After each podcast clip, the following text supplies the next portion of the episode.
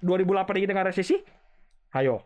2008 kan Walaupun resesi Amerika, global. ya, Iya, ya, ya. glo- apa Eropa, Eropa, Amerika, Amerika. semua itu resesi. Kita enggak loh. Sakti juga kan? Nah 2023 itu kalau dibilang kita mungkin karena dampaknya sedikit, tapi kan life must go on ya. Maksudnya Hmm. investasi tetap harus jalan kah? Hmm. Atau harus kayak gimana nih?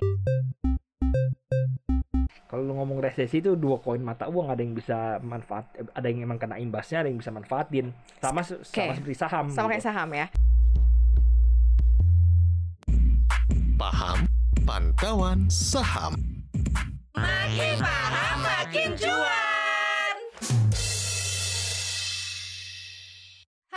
Cuan, selamat datang di podcast Cuap Cuap Cuan. Semoga dalam kondisi cuan selalu ya. Selalu bertambah-tambah rezekinya di dompet, di eh, tabungan, di saham, semuanya deh ya.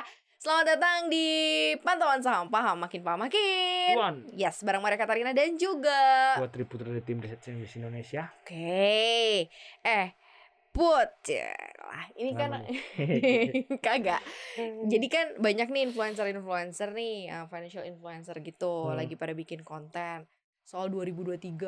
Hmm. Terus katanya 2023 tuh bakalan kelam, Hmm. bakalan suram, bakalan ya pokoknya bakalan uh, sesuatu hal yang yang cukup berat lah dilalui. Ya memang sinyalnya udah muncul sih dari Hmm. sekarang kalau dari itu tebar fir data-data. aja itu Apa? tebar fir doang Masa sih? Ya Kan mereka based on fact, kadang ya, mereka ya, bahas sebenarnya soal data juga 50-50 loh. ya menurut gue ya, ya emang emang emang kalau ngomong 2023 bakal resesi ya emang bakal resesi global recession tapi Heeh. mungkin Indonesia belum tentu kena dan most likely Indonesia nggak bakal kena Oke. gitu. jadi ya Most likely Indonesia nggak bakal kena. Kenapa? most likely Indonesia nggak bakal resesi karena ya kita tuh resilient kita emang Oke. ekonomi eh, apa emerging market emang resilient salah satu yang paling resilient itu kita Mhm. nah jadi salah satu alasannya kenapa satu resilient satu ekonomi kita ditopang sama konsumsi terus Mhm. kedua ekspor kita komoditas jadi di mana Oke. ketika quote on quote terjadi sesuatu ya harga komoditasnya me- melambung Mhm, gitu. mhm, itu bikin ekonomi kita kuat mhm. jadi ya apa pun ada gonjang ganjing apa di luar ya kita tetap going going aja jalannya terus mungkin ekonomi kita kan melambat Mhm. tapi bukan terjadi kontraksi misalnya Oke, tadinya tumbuh oke. 5 jadi tumbuh 4 jadi tumbuh 3 kalau Hmm. kontraksi kan tumbuh minus ya kontraksi 3 kontraksi 2 kita nggak kontraksi gitu tapi mungkin ada satu kuartal kontraksi tapi kuartal berikutnya langsung langsung ekspansi Mhm, lagi gitu mhm, kan ya. misalnya syaratnya ini terjadi resesi kan kontraksi apa secara umum ya kan kita tahu kan ada banyak banget syarat-syarat syarat harus dipenuhi supaya ekonomi dibilang resesi. Syarat- biasanya umum itu tuh resesi disebut ketika oh ekonomi Pertumbuhan terkontraksi ekonomi Iya, minus. terkontraksi dua kuartal berturut-turut Ya. dalam satu tahun. Mhm. Biasanya disebut resesi. Tapi buktinya US saja belum udah kontraksi dua kuartal berturut belum disebut resesi. Mhm. Itu mereka masih belum oh belum resesi. Kenapa? Karena oh unemployment kita masih bagus gitu Mm. ya. Jadi sebenarnya ada alasan-alasannya kenapa bisa resesi bla bla bla dan kita itu cukup resilient nggak kena resesi itu. Oke, Indonesia cukup resilient. Tapi kan Indonesia termasuk yang marketnya pasarnya kan depend on negara-negara ini nih yang bakalan mungkin Hmm. lo eh, nganggap dia resesi. Maksudnya kita ada ada perjanjian dagang, ada Hmm, iya, ekspor iya, pasti, impor. pasti. Kalau misalnya negara yang akan ngalami resesi ini kemudian dia sulit atau apa kan Hmm. kita jadi mitra dagang kita jadi lumayan ya maksudnya akan terganggu Iya, ekspor iya. impor kita. kena tapi kita tuh bukan pemain besar di supply chain global. Jadi kok kena? Ya udah Oh, kena oke. gitu tapi ya geli-geli doang gitu sebenarnya. Ya bukan bukan impact Gue yang ketimpa iya geli-geli doang apa dikit-dikit doang lah lucu-lucu gitu bukan Iya, lu resesi nggak bukan- lucu. nggak, maksud gua- Kalau kena impactnya juga nggak ya, lucu. ya kena impact tapi kecil daripada lu kena impact ketimpa yang gede gitu misalnya lu pemain supply chain global yang gede gitu. Lucu-lucunya itu apa? Kena kita kena imbas apa? Naik harga gitu, ya inflasi. ya, enggak impactnya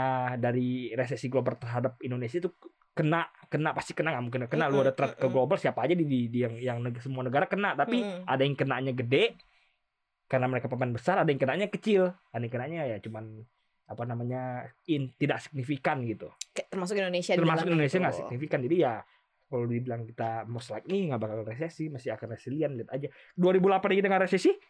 Ayo. 2008 kan Ya, walaupun resesi Amerika, global. ya, ya, ya, ya. glo- apa Eropa, Eropa, Amerika, Amerika. semua itu resesi. Kita nggak loh. Sakti juga kan?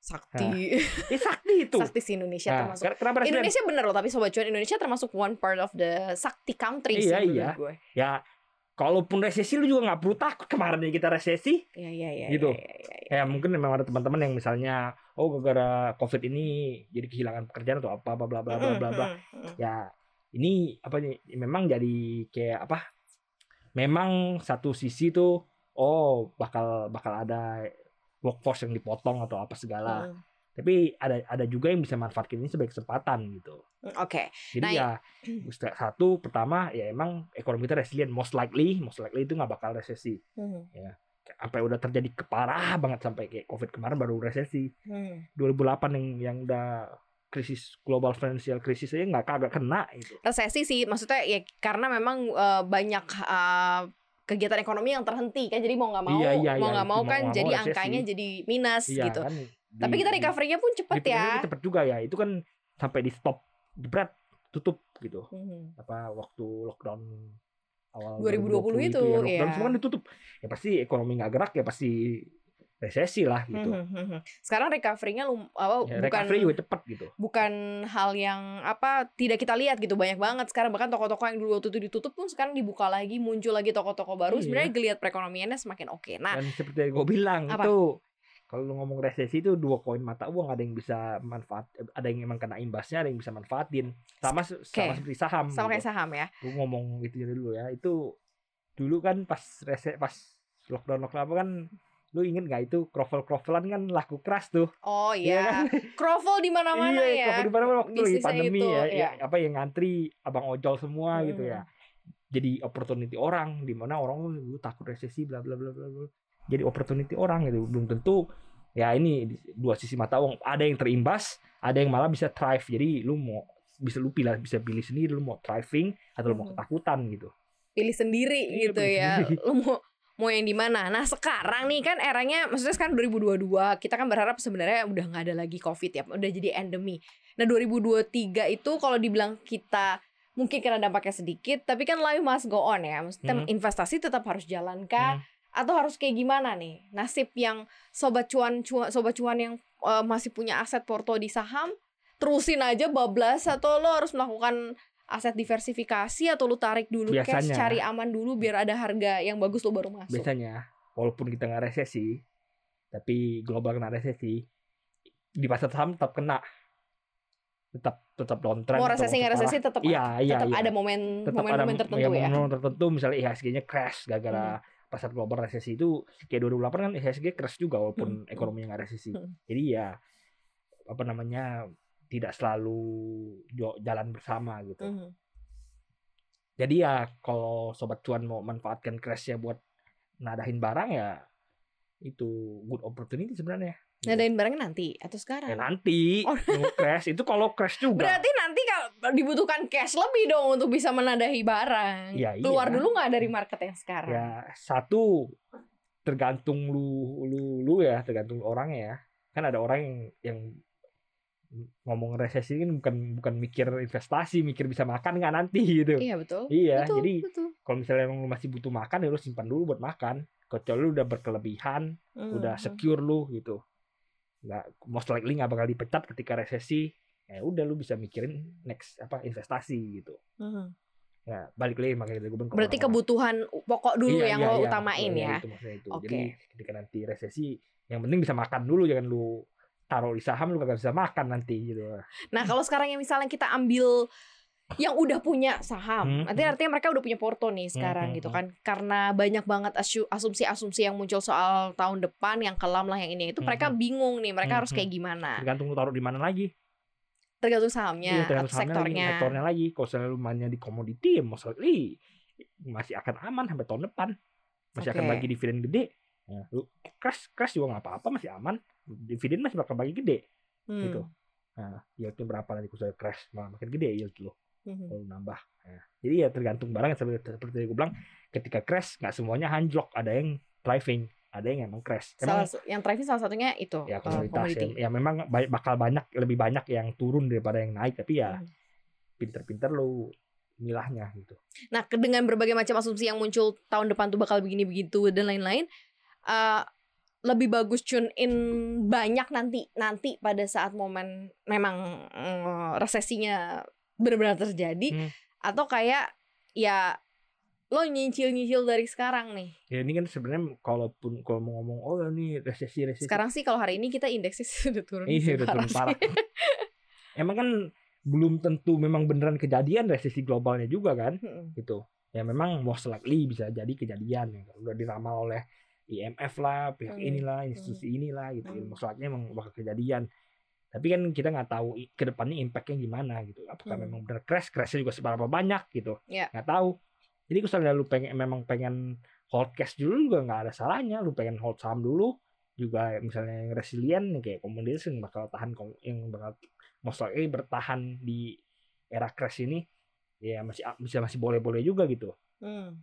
Oke, itu bebas ya. Jadi kayak ya lu mau gimana gitu ya. Iya, iya, tergantung barang lu gitu. Misalnya memang barangnya masih di komoditasan ya, lu mau kurangin dikit atau mau stay di sana.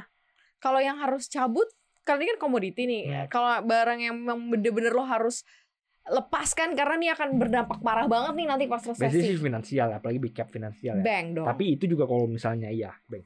Itu juga kalau misalnya nanti beneran terjadi resesi dan beneran crash. Kan belum tentu terjadi resesi, belum tentu crash juga.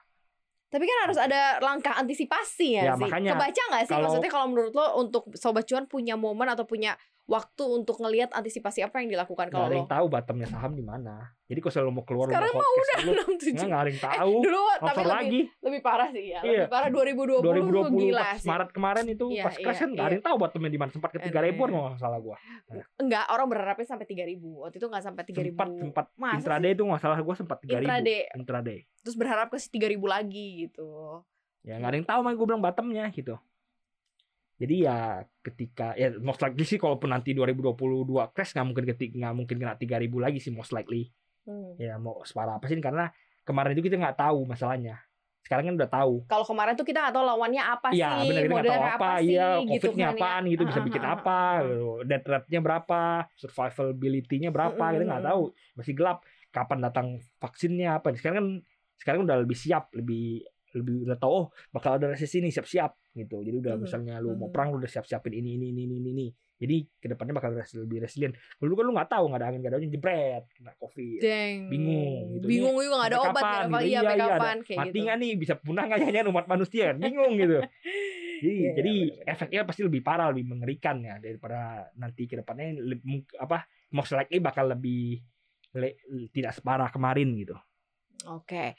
Ini uh, untuk gambaran aja ya Sobat Cuan. Mungkin Sobat Cuan sudah mendengarkan banyak sekali para influencer-influencer berbicara gitu ya. Kita ambil partnya supaya Sobat Cuan punya balancing, supaya nggak takut gitu ya akan sekelam apa dan nasibnya saham-saham Sob- Sobat Cuan yang mungkin dilihat deh sekarang ya. Kalau udah untung sih kalau menurut gue sih realisasi aja. ya kan ngapain lo tunggu-tunggu lagi? Kalau gue paling suka misalnya, Apa? lu, misalnya apalagi kalau udah main saham yang udah beggar, udah lu cabutin aja lah modalnya. Iya, Atau Kalau makanya. nggak beggar juga udah lu cabut modal dulu lah gitu. Ah, Selain Ya cuannya kan? di dalam dah. sisain cuannya aja. Jadi Iya. lo main pakai duit cuan lo Hmm. gitu karena modal lo udah aman gitu sobat cuan ya. So, thank you banget udah dengerin kita hari ini. Jangan lupa dengerin konten podcast kita lainnya di Apple Podcast, Google Podcast, Spotify dan juga Anchor. Follow akun Instagram kita di cuap underscore cuan dan subscribe YouTube channel kita juga di cuap cuap cuan di like, di share dan juga di komen ya sobat cuan ya. Dan jangan lupa konten kita hari ini juga tayang di CNBC Indonesia TV sobat cuan. Terima kasih semangat untuk menghadapi apa pun ya di tahun depan nanti. Thank you, kita pamit. Bye.